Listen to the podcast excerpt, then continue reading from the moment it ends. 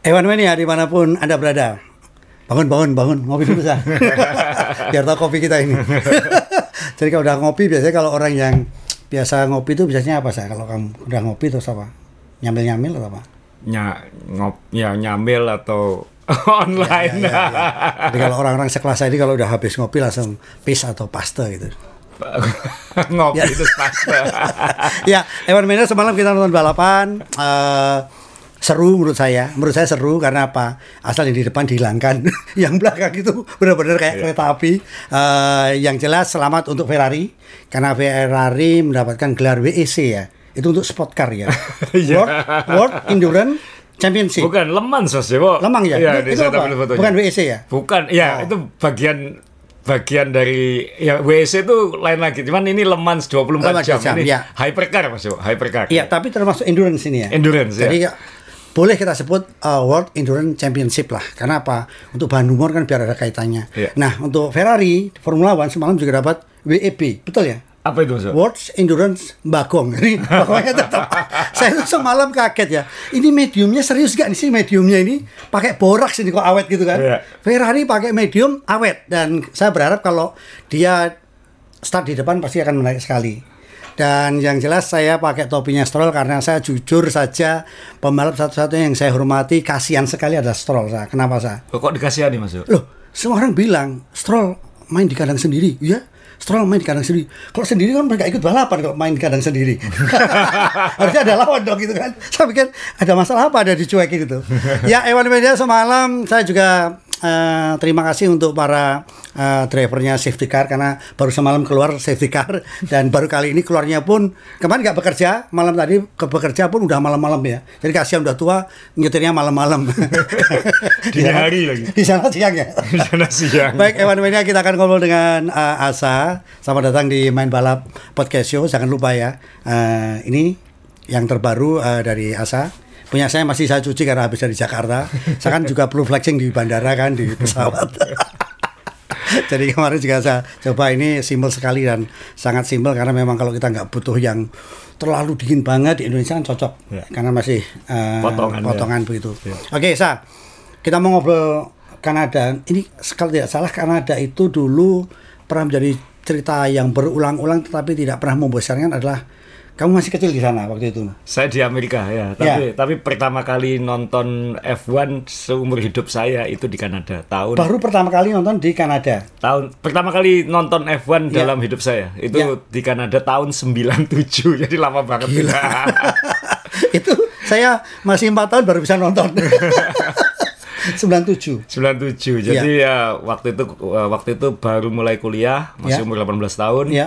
Eh, ngurus visa eh, sendiri Ya. terus terbang sendiri eh, bawa bendera Maaf Sa, eh, biar tidak rancu maaf. Teman-teman waktu itu Asa sudah sekolah di Eh, saya saya di Amerika ya. kebetulan saya Ya. sejak eh, sejak SMA sudah di Amerika Nah, kebetulan kan. jadi eh, apa namanya eh, kebetulan mana fotonya sorry mas Yo. Ya, nggak apa-apa di sambil cari-cari. Jadi, Ya, jadi Asa eh, memang dari kebetulan ya. kebetulan sejak SMA Di eh, Kanada, saya lulus. SMP sudah berangkat Ke beasiswa ya. beasiswa terus kemudian waktu masuk kuliah pertama kali eh, baru pegang uang baru punya uang baru, Ya. baru bisa punya uang Ya. Eh, akhirnya saya suka F1 sejak kecil jadi pengen nonton F1 yang paling dekat waktu itu kan Kanada karena Amerika nggak ada Amerika nggak ada ya, Nggak belum ada. kenal. belum kenal dan eh, kalau ke Eropa kejauhan dan kemahalan Ya. jadi akhirnya eh, saya putuskan eh, m- bonek sendiri Ya. jadi terbang sendirian ke Montreal karena Ya. saya di California Montreal itu di pantai timur di Kanada dan ini bahasa Prancis ya Quebec ya bukan bahasa Inggris Oh. jadi terbang ke sana eh, saya waktu waktu itu Jean Alesi mania banget jadi saya pakai di tribun pertama tikungan pertama itu saya pakai bawa bendera Alesi Iya. ini kemudian eh, pakai eh, kemeja Benetton Iya. waktu itu timnya Benetton Ya. terus kemudian ya benar-benar jadi fans itu, itu pertama kali Eh, sirkuitnya memang ini fotonya sirkuitnya ya sirkuitnya itu memang kalau saya ditanya enak nonton F1 di mana saya selalu jawab Melbourne paling enak Ya. untuk suasana tapi eh, sirkuit Gilles Villeneuve ini juga menarik karena dia dekat dengan kota. Ya. Jadi transportasinya gampang banget, naik ada tram khusus gratis untuk penonton ke pulau ini. Ini pulau kan? eh, Ile Notre Dame namanya. Ini pulau di pinggir kota Montreal. Jadi ini pulau sendiri dan pulau itu jadi sirkuitnya itu benar-benar mengikuti bentuknya Pulau. bentuknya pulau kecuali ya chicken pertama ini aja. Tapi yang lainnya itu benar-benar ngikuti termasuk hairpin terakhir itu. Dan di sini ada kasino memang kayak gitu. Tapi ini ini tribun tempat saya nonton dulu yang bawah ini. Iya. Pedoknya di sini. Nah, ini kalau teman-teman memang eh, punya kesempatan ke Kanada dapat experience kultural yang berbeda, ini menarik. Kenapa? Selain nonton F1, di sana bahasa Prancis semua juga. Jadi beda gitu. Jadi kayak jadi nonton di eh, Kanada serasa di Monaco ya atau di Prancis ya Kanada. Iya, iya. Tapi nonton di Prancis kan gak enak Mas, karena sirkuitnya Kan bahasa jauh. Prancis katanya. Oh iya bahasa Iya Prancis. ya. Sir, kalau di kalau di Prancis sirkuitnya jauh banget jadi. jadi jangan. Jadi mending eh, ke ke Gilles Villeneuve kalau pengen eh, eh, merancis. Iya, jadi eh, teman-teman ini tadi asal tidak eh, tidak secara langsung memberikan tips untuk teman-teman yang pengen nonton di mana pun Hmm. eh, jarak antara hotel kita dengan sirkuit tolong diperhatikan. Betul, Gitu kan? ya. Selain murah juga supaya tidak macet, Ya. ya kan? Jadi eh, tidak semua sirkuit itu gampang dijangkau, itu Dijangkau, juga. betul. Eh, apalagi sirkuit-sirkuit tradisional di Eropa itu rata-rata jauh-jauh semua. Dari- Iya. Rata-rata- Eropa itu rata-rata Iya. jauh semua dari Nah. dari hotel dan macam-macam. Nah, ini enak. Anda nginep di tengah kota nggak apa-apa karena tinggal pakai tram aja langsung. Oh, Langsung turun eh, turun di seberang jembatan ya, jembatan ini eh, ada jembatannya. Eh, sekitar sini tinggal nyebrang aja enak gitu. Jadi saya sangat suka dan waktu saya dapat kesempatan kembali lagi tahun 2016 Ya. karena waktu itu mungkin teman-teman ingat waktu itu ada Rio Haryanto kan ya. Ya. Eh, kebetulan waktu itu saya ngambil kuliah eksekutif di Boston eh, Ya. eh, di Harvard waktu itu terus setelah kuliah eh, keluarga saya juga ikut waktu itu saya ajak ke Kanada nonton. Jadi sambil kuliah, sambil liburan pas ada F1 di Kanada. Jadi waktu itu ketemu teman-teman dari Honda Indonesia juga waktu itu Pak ini Pak John Fish ya masih masih Muda di ya? sini.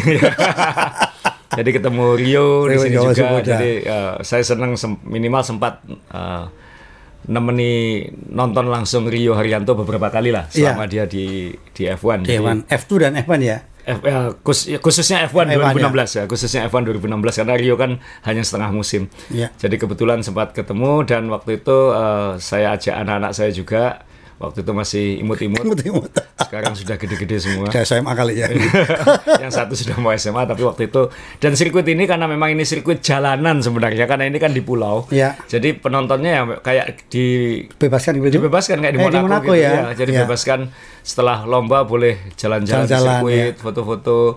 Jadi kalau mau lihat-lihat seperti apa sih gripnya F1, ternyata ada lubang kecil di sini untuk timing sensor segala macam itu bisa bisa ikut. Jadi anak saya ikut lari-lari di sini. Uh, dan kalau misalnya sempat ke sirkuit Gilles Villeneuve, uh, uh, it- nama Gilles Villeneuve nanti saya jelaskan lagi. Ya. Uh, jangan lupa foto di garis start finishnya ada tulisan Salut Gilles. Hmm. Jadi ini uh, memang pembalap paling terkenal dari Kanada, Kanada. itu Gilles Villeneuve.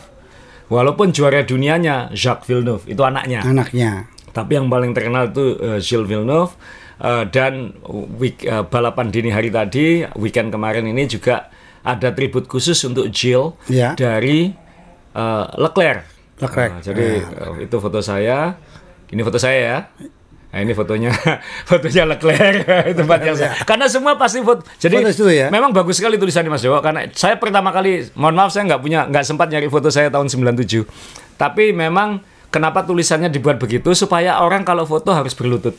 Hmm. Jadi seperti ya termasuk menghormati lah kan Iya, ya, iya. menghormati Sopan ya. Jadi ya, Tata kerama ini. ya dan dan anu lah kita kita berlutut juga untuk menghormati Iya. Gilles ya.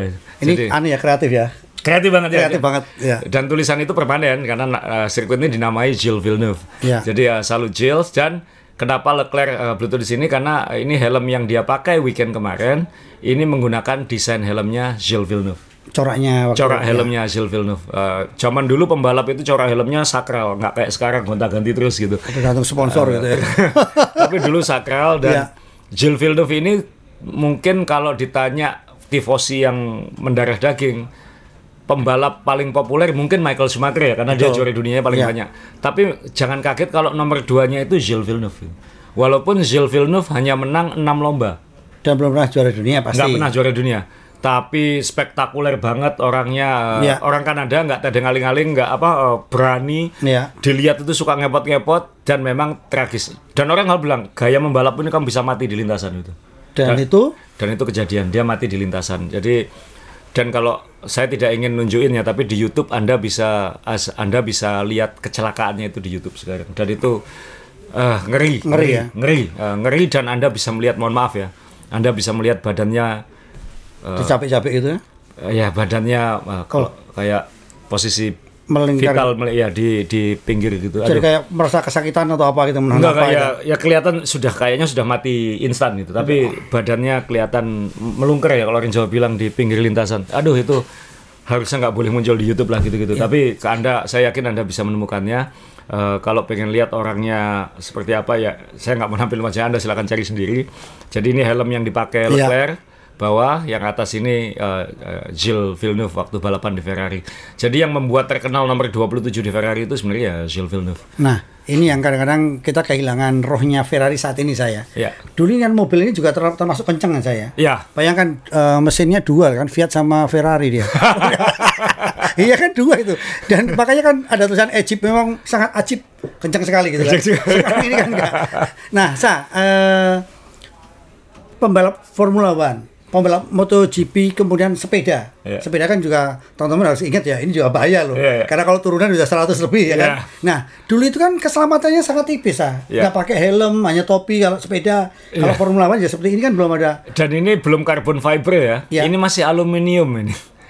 Jadi eh, chassisnya itu masih dari aluminium. Iya. Ya kuat tapi nggak kayak nggak kayak carbon fiber yang benar-benar membungkus melindungi penuh begini. Kadang-kadang hanya rangka-rangka aluminium saja. Aluminium, Jadi ya. kalau kalau cover bodinya ini dilepas ya kakinya kelihatan. Dan itu juga bahaya kalau patah ya. Iya kan lo, lo, Ya logikanya- pasti remuk mas. Iya, itu kan patah-patahnya itu berbahaya sekali ya. Betul. Tahun sampai tahun 80-an awal tuh kayaknya masih ada satu dua pembalap tewas tiap tahun lah. Maksudnya Gilles Villeneuve ini di era gladiator lah ya. Di era gladiator dan spektakuler. Eh, saya waduh, saya saya ada buku anaknya, tapi saya juga punya buku eh, tentang Gilles-nya. Dan memang orangnya kan memang dan ini bedanya lagi ya, banyak pembalap sekarang khususnya eh, kecuali mungkin Lewis Hamilton itu lahir dari keluarga yang mampu. kan. Iya. Lando Norris itu ayahnya salah satu orang terkaya di Inggris lah. Jadi bukan bukan anu. Ayrton Senna walaupun berjuang juga orang tuanya sangat kaya di Brazil. Kecuali Hamilton ya. Kecuali memang. Hamilton yang Iya. memang ayahnya kerja keras untuk ke situ. Nah, Villeneuve ini kalau di di sekarang itu masuk kategori kalangan pekerja. Hmm, Jadi memang orang yang berkarir eh, balap mobilnya itu eh, serabutan. Siapa mau hire saya, saya datang saya balapan. Dan itu keluarganya kadang setengah homeless ya. Jadi keluarganya tuh dia tinggal di karavan. Ya. Keluarganya tuh diajak naik mobil itu balapan ke mana gitu. Jadi nggak punya rumah. Jadi rumahnya ya motorhome itu. Hmm. Dan eh, Jacques Villeneuve dibesarkan keliling sama bapaknya itu. Jadi Gila itu yang ya. bikin dia. Jadi dia ini kayak eh, kan, eh, kalangan pekerja kayak gitu. Jadi Iya, iya. eh, Pokoknya Masyarakat eh, dekat gitu iya, ya. dan dan apa ya untuk kebutuhan hidup sehari-hari ya dari kerja itu Dari kerja kerja. itu. Tapi saya baru tahu ternyata ini kita punya pembalap yang memang dari Indonesia lahir dari Madura ini ya. Tadi saya bilang tinggal di karavan. Berarti kan karavan sapi ada di Madura. Sedikit kita kalau menyeberang. Sa, ini eh, pembalap ini di Kanada dan kita tahu Asa kan jadi saksi hidup dari tahun 2000 tadi berapa? 97. 97 ke 16. Iya. Dulu ini kan tembok itu kan selalu mepet saya. Selalu di situ Dan- Wall of Champion ya. Nah, Eh. juara dunia apa pun pernah mencium dengan saya. Iya, iya. kan, bener kan? Kecuali tahun ini nanti saya mau jelasin juga Nah, sedikit, iya, iya Mas. kan? Ya. Karena Nah, itu bahaya sekali kan kalau mobil kayak gini kan. Ya, terakhir kali terakhir lagi untuk Jill Maldewo ini Ya. eh, sempat agak kontroversi karena Jacques Villeneuve kan memang suka eh, suka lambe turah kadang-kadang suka komentar berlebihan di eh, sosmed Ya. dan sempat dikira tidak setuju dengan eh, Pemakaian ini. pemakaian helm ini karena katanya belum minta izin tapi sudah Oh. diklarifikasi eh, memang hak komersial Gilles Villeneuve itu dipegang oleh kakaknya namanya namanya Oh. namanya Melanie jadi eh, dan itu hari Jumat sudah di sebelum lomba sudah diklarifikasi jadi ini Leclerc ini istrinya Gilles Joanne Masih muda eh, ya. dan ini Melanie kakaknya Eh, kakaknya Villeneuve, Jacques ya. Jacques Villeneuve. kakaknya Jacques jadi sudah clear dan helm dipakai dan ini tribut menurut saya saya yakin ini pasti ada ada donasi dari Leclerc untuk keluarga Villeneuve karena Iya. memakai hak komersialnya keluarga Iya. jadi ya tribut itu kadang-kadang yang bayar. Jadi kita harus memahami juga dunia Iya. komersial. Jadi hidup ini nggak bisa pakai cinta. Nah, nggak ada nggak bisa hidup di atas eh, apa eh, cinta ya, nggak Ya. ada ya. Jadi jadi bahwa kita cinta eh, ini saya ambil contoh sepak bola Indonesia aja. Saya cinta klub ini tapi jersinya saya palsu. Itu sama dengan kamu merampok haknya klub itu gitu. nah, ini ini tribut untuk leg- legend pun ya legendnya juga punya hak komersial itu kan, Iya. gitu. Jadi Kalau dia dari raut wajahnya kan semua happy ya. iya. Iya. Ya Leclerc nggak terlalu tapi mungkin karena capek. Eh, capek anu dah, capek apa eh, posisi startnya kan. Posisinya. Jadi ya ini ini tentang Gilles Villeneuve. Ya. Jadi kalau memang sempat ke sana, saya sarankan eh, ke sana karena ini memang itu tempat yang eh, menarik untuk nonton F1. Nah, tentunya sekarang kita geser ke lombanya Mas Iwa ya. Karena nanti Ya. kita akan bahas Ferrari lagi eh, dan eh, yang terkait update-update terkait dari Kanada, eh, walaupun setengah ngantuk-ngantuk teman-teman tadi malam. eh, Ya.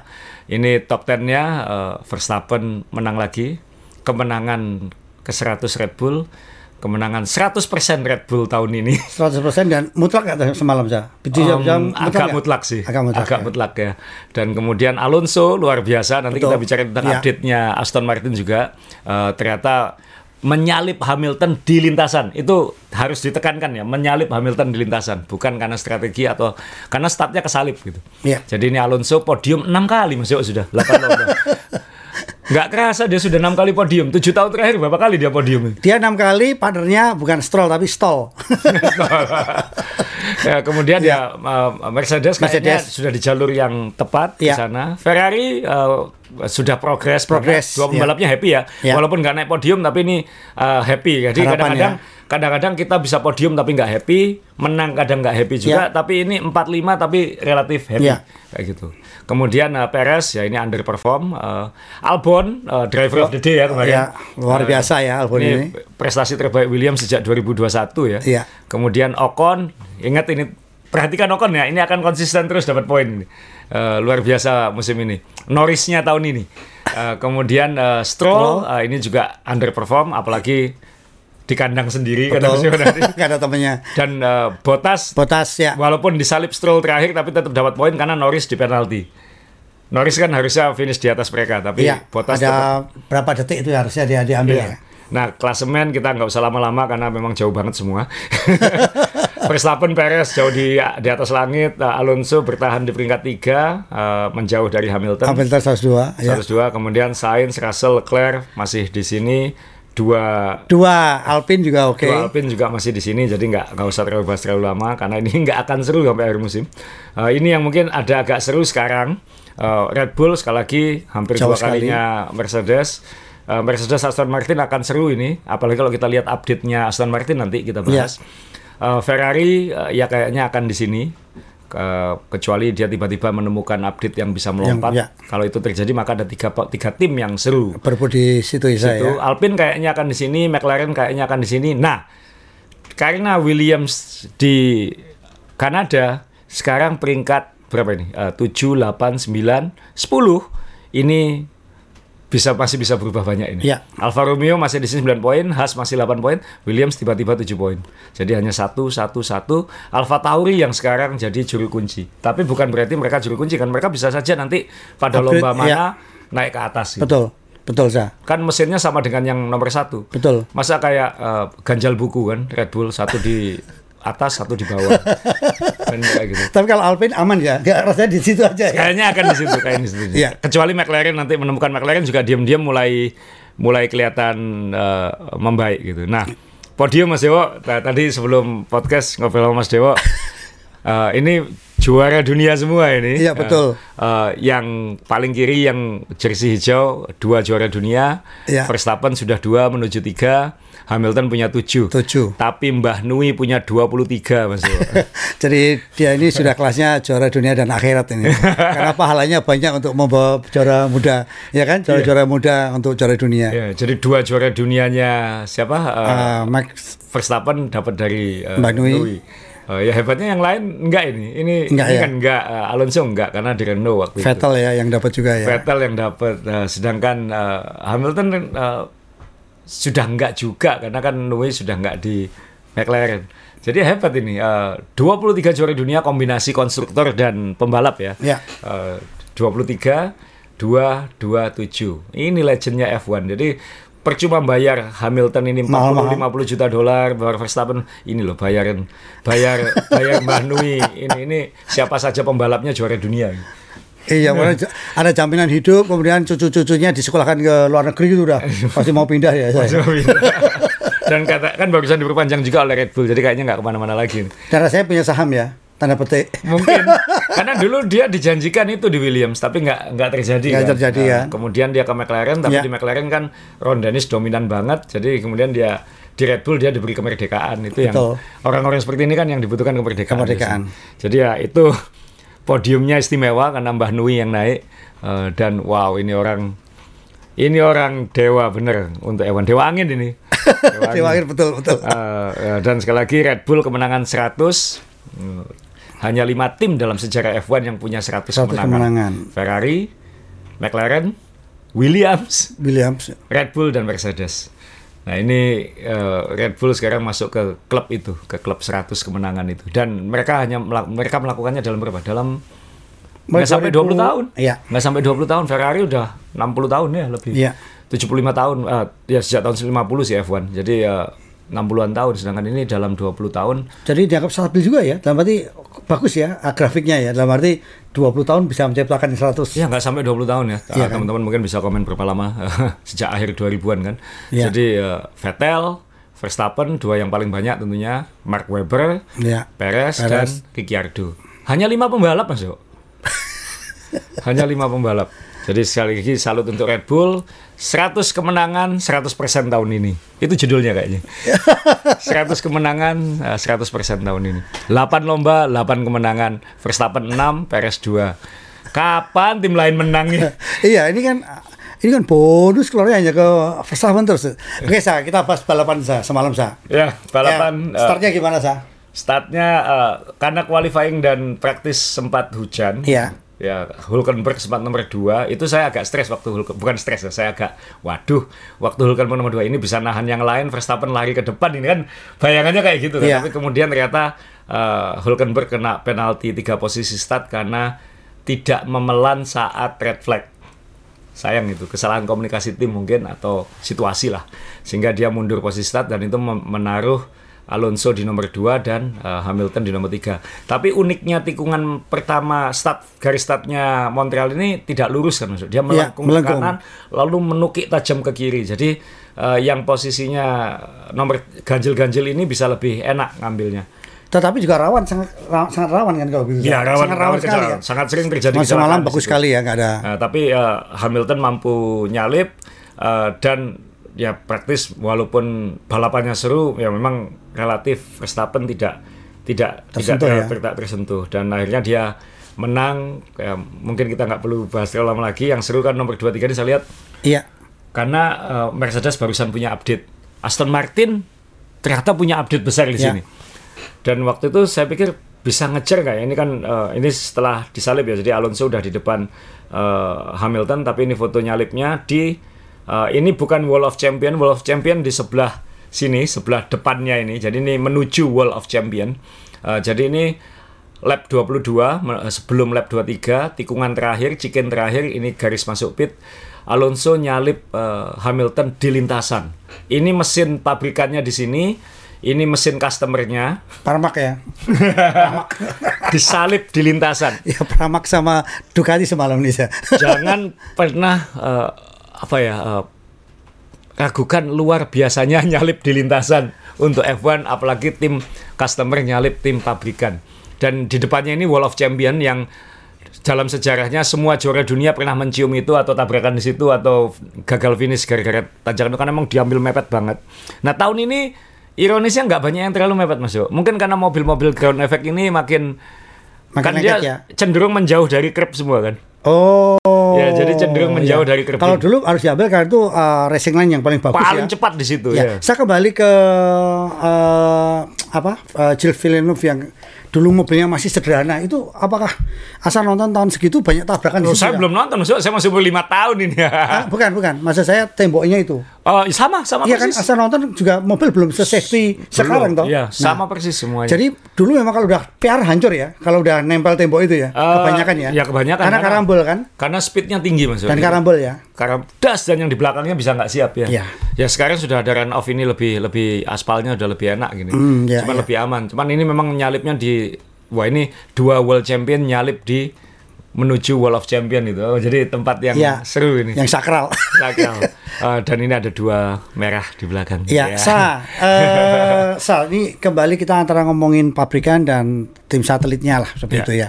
Eh, Bukan satelit kalau apa ini, ya? ini customer. customer ya, Iya. tapi mesin dari Dari dari Mercedes. dari Mercedes. Jadi apakah tidak ada jaminan bahwa mesin ini sama uh, yang cara menempelkan di bodi membuat bodi Ya. itu yang memang itu yang yang tidak bisa di apa ya uh, semua punya hak untuk lebih bisa cepat gitu kan dari situ. Waktu kita ngomong sama Mas Devi kan kita tanya waktu Mas Ya. Yo, mesinnya Alfa Tauri sama mesinnya Red Bull sama nggak? Sama dia bilang. Jadi saya yakin mesinnya Mercedes dengan mesinnya Aston Martin hampir sama 100%.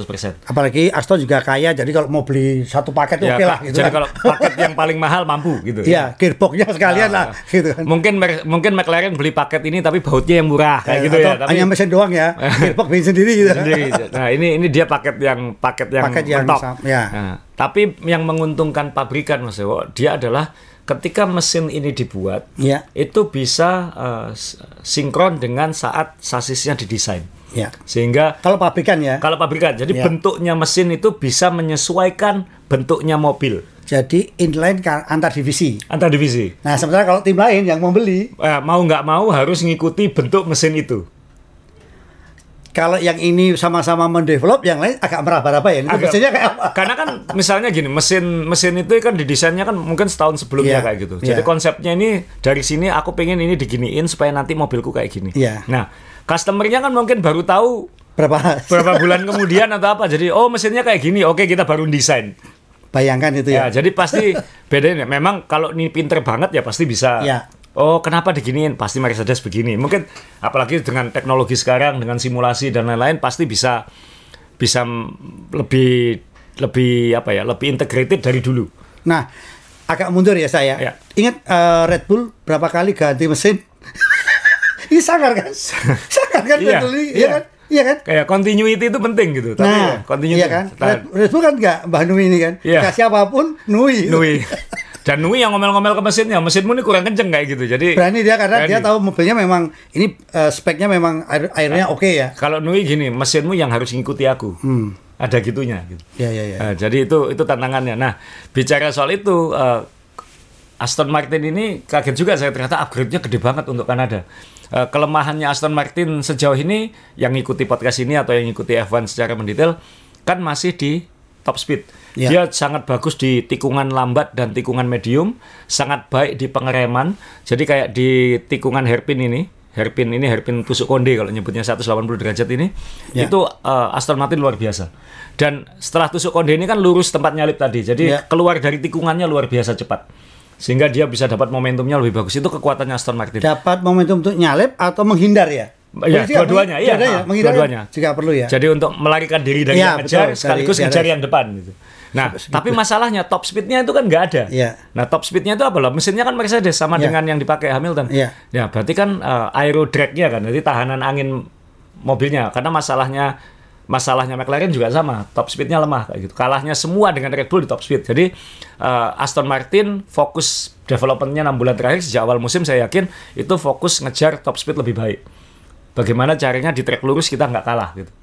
Dan dia nggak hanya memikirkan Mercedes, dia mikirkan Red Bull. Iya. Karena kalahku hanya di track lurus. Ya. Di Barcelona eh, datanya Aston Martin lebih cepat dari Red Bull di semua tikungan. Hanya kalah cepat di trek lurus. Luar biasa mesin Honda dan dan mobilnya Red Bull ini. Nah, akhirnya datang dengan konsep ini. Eh, foto ini yang lebih detail Anda mungkin bisa lihat videonya di Formula One ya, di channel Formula One karena mereka punya akses ke semuanya.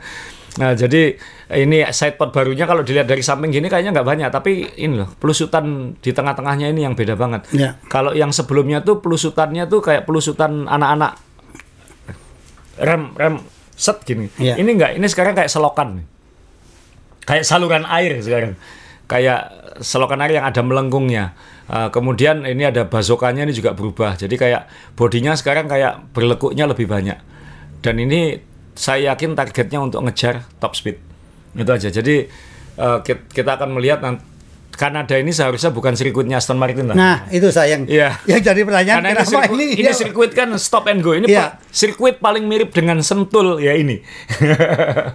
stop and go, tidak ada naik turunnya, gas, rem, gas, rem, gas, rem. Ini. Jadi kalau bikin mobil yang tidak perlu mikir di sini ya, pokoknya mesinnya Mesinnya ya, uh, Kenceng. ini mobilnya simple gitu. Makanya nanti kita ngomong Williams, makanya Williams bagus di sini. Iya. Jadi ini ini sirkuit tidak terlalu butuh downforce, tapi grip harus bagus dan itu Aston Martin punya dan uh, top speed harus bagus, power harus punya. Nah, ini. Tapi sebenarnya waktu semalam kamu nonton punya ekspektasi nggak kalau ah nanti dimakan Lewis Hamilton gampang nih? Saya kira ya, kan dan waktu start kan sudah diambil.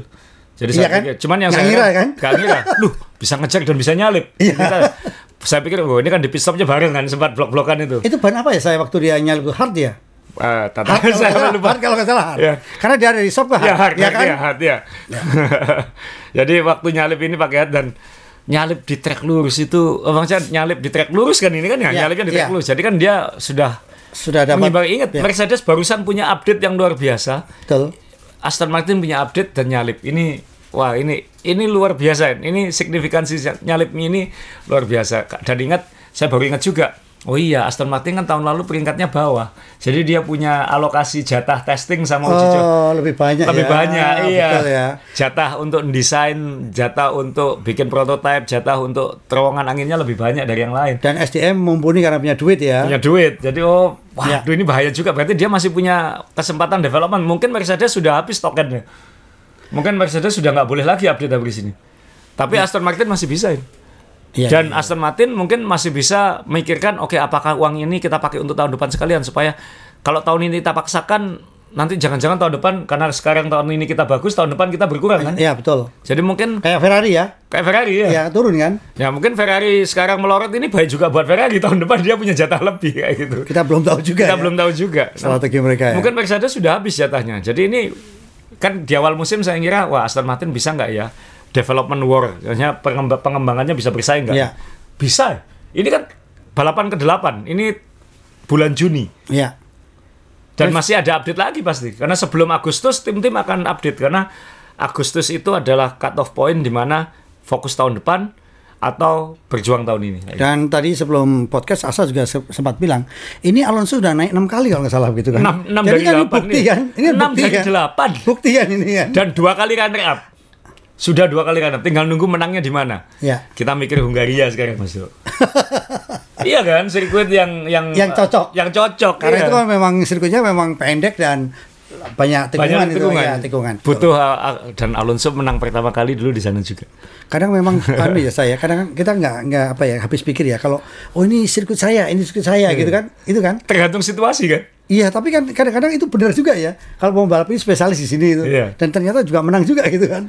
Kalau dibilang spesial di sini, Lewis Hamilton menang pertama di Kanada tahun 2007. Nah, itu luar biasa lah. Nah, Iya, ini, iya. ini jadi Aston Martin eh, salut ternyata punya punya senjata masih punya masih punya senjata rahasia dan akan terus dikembangkan. Eh, nah Ferrari buat teman-teman kita harus bahas ya tapi tolong Mas Dewa ini kita nggak bahas bagongnya ya gitu ya. Karena oh iya, ini kita Ya, serius ini. Ini kita semalam, serius ini. semalam jujur kita kaget semalam. Ya, walaupun tidak podium Iya. tapi melegakan. Belum tentu menyenangkan tapi melegakan. Terutama warna kuning bannya itu sa. kaget semalam Ya, karena ini. karena komentar setelah lomba juga pembalapnya juga bilang kayaknya eh, kita happy karena eh, tire deck jadi tire degradasi jadi eh, aus bannya itu sudah sudah bisa mereka kontrol. Mohon maaf sampelnya memang masih satu lomba ya tapi ini sirkuit termasuk boros ban karena kan konstan akselerasi deselerasi akselerasi deselerasi ya. sebentar sa kalau boros ban itu di trek lurus banyak trek lurusnya atau di banyak tikungan karena itu kan juga Kalau lurus itu sebenarnya nggak ngabisin ban. Nah, yang, seharusnya yang, kan? yang ngabisin ban itu uh, ketika akselerasi keluar dari tikungan Iya. dan sebenarnya tikungan cepat sih.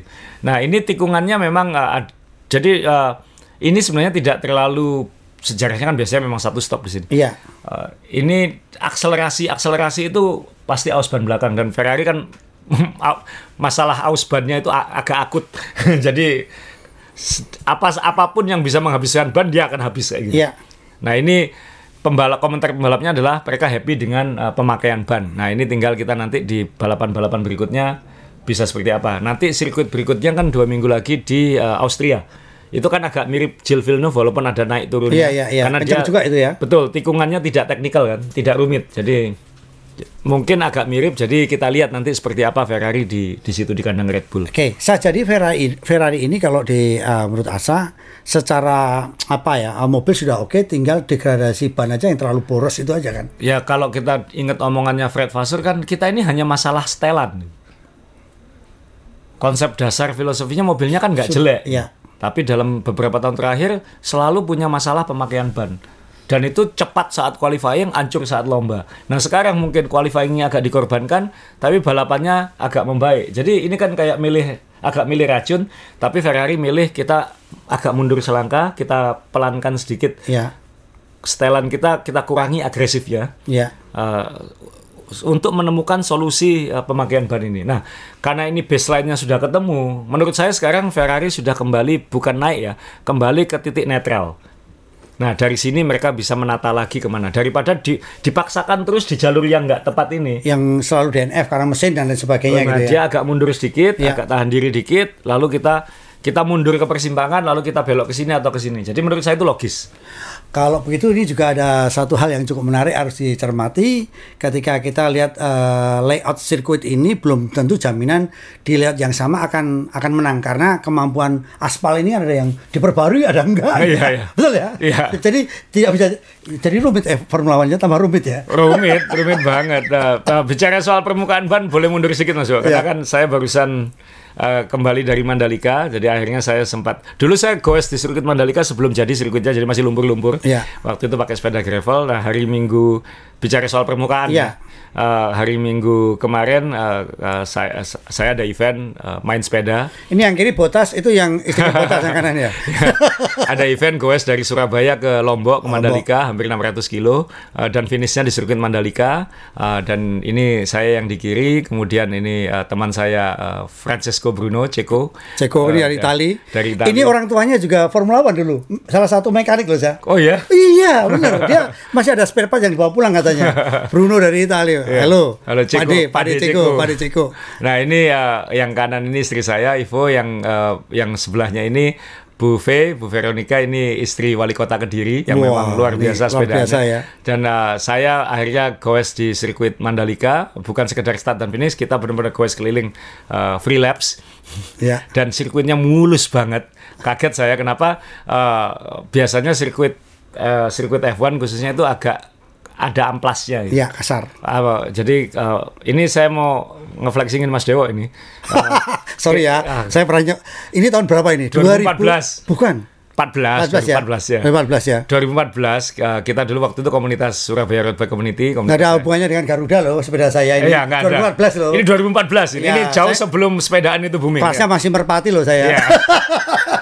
ya, kita uh, komunitas Surabaya, Iya. uh, komunitas saya di Surabaya waktu itu booking sirkuit Sepang. Iya, kita booking Jadi sana. uh, ya komunitas sepeda lain nggak boleh sombong karena kita yang pertama booking sirkuit F1. Dan jangan eh, saya juga boleh sombong ini hanya untuk road bike. Hanya Tapi untuk- karena saya tugasnya memotret dan nge-MC saya protes boleh nggak saya bawa sepeda saya ini. Ya, jadi Mas Dewa pakai Bromptonnya keliling untuk moto-moto kita. uh, saya pakai sepeda road saya waktu itu.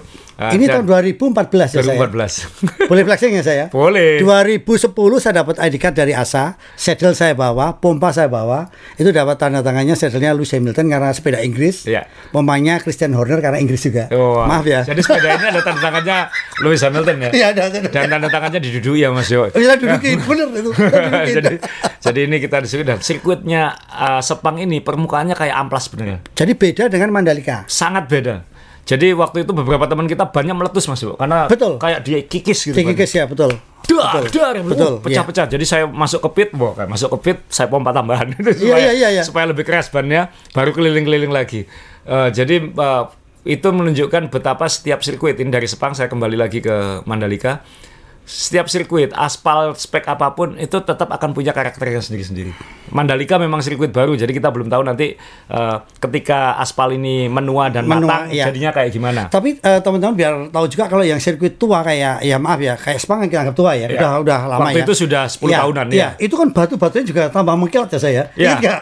makin Iya kelihatan, kan? makin keluar ya. Nempel sekali gitu Nempel kan. sekali. Iya. Nah ini masih sangat mulus kayak keramik, benar-benar kayak meja inilah. Iya. Eh, gelindingnya enak banget, eh, apalagi tidak terlalu banyak elevation gain ya, tidak naik turun, jadi relatif flat. Jadi memang cepat banget ini lintasan, Eh, lebar lin- eh, lebar licin, eh, licin dalam tanda kutip eh, gelinding ya, cepat banget.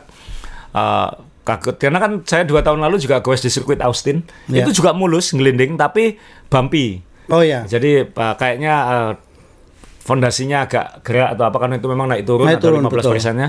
Jadi agak retak-retak dan uh, pembalap MotoGP kan komplain terus kalau di Austin kena bumpy-nya. F1 juga. Nah ini tapi ini mulus banget. Jadi uh, kita harus bangga lah di Indonesia punya sirkuit yang seperti ini. Sebaik ini ya. Saya waktu diwawancara sama uh, sama tim Mandalika setelah acara Mas saya- Wahab bukan? Uh, timnya timnya Timnya Mas Wahab. Iya. Ya, kemarin sempat WA kan. Iya. Asa ke sini loh. Iya. Mas Wahab uh, GM-nya sirkuit ya manajer sirkuit Enggak tahu mungkin ya. Iya. Iya. Kemudian uh, saya ditanya bagaimana, wah, moga-moga sirkuit ini terawat sehingga puluhan tahun ke depan Indonesia punya sirkuit yang memang standarnya seperti Standar ini. seperti ini, ya. Ya, jadi kita harus bangga. Sorry ini mundur sedikit soal permukaan karena kita ngomong soal Ferrari pemakaian ban gitu ya. Dan semalam memang terbukti ketika semuanya sudah masuk dia masih bertahan. Iya. Iya kan? Bisa dia, tapi saya kira Ferrari kemarin konservatif banget lah karena posisi startnya kan juga nggak di depan jadi dia Sa, akan eh, ada, ada ada hal yang menarik waktu komunikasi radio eh, bahwa bahwa Sainz tidak akan menyerang kamu gitu. Hmm. Ini apakah juga saya kadang-kadang berpikir ya, ini kan eh, Leclerc ini kan nasibnya kayak eh, 93 ya, kayak Marquez ya, Iya. Marc Marquez ya. Jadi kan rasanya kan nggak pede ya. Baru jatuh jatuh ini kan kayak nggak pede. Perlu perlu Kalau saya sih Apa nggak, lihatnya, Sa? jangan di attack itu, toh posisinya juga 45 Mas Yo. Jadi mau ditukar juga bu- bukan podium. Kalau podium, kalau misalnya ini 3 dan 4, mungkin akan dibiarkan. Kenapa? Oh. Berebut podium. Tapi 4 dan 5, kamu mau berantem, risikonya kita dua-dua out. Kalau kalau misalnya nggak out pun, poin konstruktor nggak berubah. Tapi ke kita lihat ke Hamilton kan jadi waktu itu cuma tiga sa. Hmm. Jadi mulai mengurang-kurang gitu. Iya. Cuman, kan Sainz ini kan menurut saya kan lebih posisinya kan lebih bagus dibanding Betul. Uh, cuman ya itu tadi lebih baik safe kayak gitu. Oh. Apalagi gini, kalau dia tarung, berarti kan engine moodnya mungkin Oh. dinaikkan, kemudian uh, uh, mengambil risiko-risiko yang nggak perlu mungkin. dan kita nggak tahu juga ya atau ini juga bagian sekalian kita R&D-nya berjalan untuk tahapan berikutnya ya. Nah, kalau kita juga kalau ya. kita pace gini nih seperti Iya, apa iya. juga bisa seperti itu juga. Iya. Uh, dan ya itu tadi dia mau ngeringsek ke depan juga nggak podium, posisinya relatif aman di situ. Jadi ya ya menyedihkan lah ini Ferrari berpikirnya kayak papan tengah jadinya. Tapi menarik ya, eh, semalam kita lihat komunikasi dengan radio enak, kemudian juga eh, kalau waktu pit stop juga sudah mulai adem, Ya. mulai asik gitu kan. Ya, ya butuh Jadi waktu memang ya uh, Iya. manajemen baru ini ya butuh Iya. waktu. Jadi ya moga-moga ini benar-benar Ferrari di titik nol Dan tidak terlalu lama merasa ke atas. masa ke atas ya. ya. Jadi le- kadang-kadang ya kan dulu selalu dibilangin kadang-kadang lebih baik mundur selangkah untuk maju dua langkah. Betul. Jadi mungkin Ferrari kemarin terlalu maksa nabrak tembok itu. Iya. Nah, kita harus bahas mau nggak mau driver of the day Mas Yo. Iya. Eh, oh siap. Eh, tambahan bicara soal Le Mans, eh, sayang eh, Sean Gelael gagal podium lagi. Se- Wah, kurang 11 menit mobilnya bermasalah juga itu. Jadi eh, saya waktu WA eh, Sean Sean balasnya cuma pakai emoji nangis. Jadi, eh, Kasihan ya. Kasihan. Aduh, sayang ya gitu ya. Tapi itu itu Le Mans, eh, Ferrari menang Dan itu Mans. balapan, jadi apa yang direncanakan kadang-kadang tidak, tidak sesuai dengan tidak sesuai harapan. rencana. Jadi Ferrari bagaimanapun tahun ini punya kemenangan penting lah. Kalau kalaupun nggak di F1 itu. Jadi minimal Leclerc nonton Ferrari menang. Kan Leclerc datang waktu itu ke Le Tapi Mans. meme-nya sudah bilang eh, eh, Ferrari eh, apa banyak eh, apa modifikasi istilahnya tahun ini yang dikeluarkan gambar ini saja. Iya. Mobil Formula One, iya, nekat-nekat juga. Nekat-nekat juga. ya, kembali ke eh, Gilles Villeneuve, eh, Albon. Iya. Wah, luar biasa. Nan siapa saja saya di belakangnya, tahu nggak semalam? Dia membendung kereta-kereta cepat itu. Dan eh, belakangnya tarung-tarung sendiri, dianya. Tenang-tenang aja. Ya, bukan tenang sih dia bilang 30 lap terakhir itu saya berjuang katanya Iya. jadi untuk untuk nahan yang belakangnya dan ini sirkuit kan kalau mobilnya lebih cepat harusnya bisa nyalip kan Betul. tapi Williams memang mungkin yang ikut F1 sudah tahu setahun dua tahun terakhir bagus di sirkuit yang banyak trek lurus ya kan. Ya. Karena ini mobil simple. ini mobil simple jadi mungkin aerodinamikanya nggak kompleks. Jadi kalau tikung-tikungan dia jelek, Ya. tapi kalau lurus-lurusan dia aman gitu. Dan Jadi punya kalau- mesin Mercedes. Jadi kalau dia ini kebaikan, jadi kalau berbuat lurus dia paling hebat ya. Iya. Soal kebaikan dia top. Jadi eh, memang uh, Vowles ya apa prinsipal yang barunya memang harus ngelihat sekarang tim ini nanti mau dibawa ke mana eh, karena terlalu simpel dan kita semua penggemar F1 baru sadar betapa simpelnya Williams ini dan ini membedakan mana tim punya uang dan tim papan bawah. Sedih ya, tim yang pernah menang lebih dari 100 tadi ini sekarang papan bawah. Karena eh, sebelum di sini kan lantainya sempat bocor kan. Ya, Ini lantainya Williams. simpel banget ya saya. Polos. Ini kayak ini kan kayak replika kita. Ini kayak- kan. ini kayak- Hot Wheels kita ya. ini dua satu kayak nggak punya uang untuk untuk simulasi dua nggak punya uang untuk bikinnya tragis kan maksudnya lantainya hampir mirip dengan mobil flat bottom sebelumnya gitu. Maksudnya Iya, ini nggak ada sirip apa-apa Iya. ini ini terowongan sederhana gitu. Maksudnya hanya eh, monokoknya di sini naruhnya kemudian lainnya ya sirip-siripnya nggak kompleks. Jadi ya ini yang membedakan oh ini memang tim kalau nggak punya uang ya kayak gini ya. Tim yang punya uang ini saya yang ngambil dari Monaco itu oh ini sirip-siripnya banyak sekali masuk Ya. ini. Ya ini mohon maaf tidak terlalu jelas ya ini punya Red Bull punya sirip-sirip luar biasa ini lantainya Williams Iya, kenapa nggak kerjasama dengan teman-teman dari Jepara atau Bali suruh ngukir gitu kan bagus itu. Nah, iya makanya minimal minimal kalau carbon fibernya nggak bisa kayunya diukir atau Saya ingat nggak replika yang di sini Hot Wheels kan seperti ini ya, Iya. mirip kan? Iya. Polos itu aja Iya, kan? Karena replika kalau disuruh bikin gitu juga jadi mahal. Nggak maksudnya ini sangat simpel. Sangat simpel. Jadi sedih Iya kan? juga lihat mobil Williams ini. Iya. Ya ampun, jadi memang PR-nya banyak ya untuk maju ke depan itu PR-nya banyak. Tapi kalau secara mesin eh, speed oke ya saya kalau di- Mercedes kan? Iya Mercedes ya. Iya. Dan saya yakin speknya nggak beda-beda jauh. Ya itulah eh, sekarang kita butuh waktu tahun kedua untuk sadar bedanya tim yang highly developed dengan tim yang underdeveloped di F1. sedih lihat ini. Saya sedih banget lihat ini. Jadi eh, jadi ya memang gimana mau menang atau mau dapat poin di sirkuit yang belok-belok. Iya. Tapi ini VIA ini juga hebat ya secara melindungi eh, harga diri masing-masing tim papan Iya. bawahnya ya. Jadi coba kalau, kalau kemarin kan aerodinamika dari atas, Iya. karena dari bawah ini nggak kelihatan, Nggak kelihatan. Nggak kelihatan sekali. Tetap mewah dari kalau dari, dari luar Dari tetap mewah. atas. Kalau kita lihat dari atasnya kan Mewah. mewah maksudnya apa yang membedakan sayapnya Iya. juga rumit sayap belakangnya juga rumit ada sirip-sirip di sini bentuk-bentuknya juga rumit tapi ketika ngelihat bawahnya ya ampun kasihan Williams tapi salut untuk Albon dapat poin dan langsung uh, Williams langsung Naik naik, ya, peringkat merasek, ya. dan bahkan punya potensi nomor 7 Oke. Dan yang ditahan jangan main-main juga loh. Ya main-main juga loh. Itu ada Alfa Tauri berapa? Tauri, ada Haas, uh, Iya. ini ini Sauber ini ya. Ini Gasly Alfa itu. Romeo. Belakang itu Gasly ya. Ada Gasly, ada Alpine, uh, ada Iya. Norris kan. Iya, ada iya. Norris, ada Piastri, luar biasa. Jadi sa- salut untuk. Kadang-kadang Mas Dewa dulu pernah bilang kita nih kadang lebih happy lihat Minardi dapat poin daripada juaranya. Karena nggak stres lah. Kan terlalu menyintai itu kadang-kadang kita jadi emosi, Iya. jadi apa kan. Ah. Jadi udah yang papan bawah aja lah. Dan itu kalau merchandise kan juga ter- nggak terlalu mahal-mahal. Dan ke depannya jadi lebih unik. Iya. Jadi lebih unik. Iya, Ya, iya.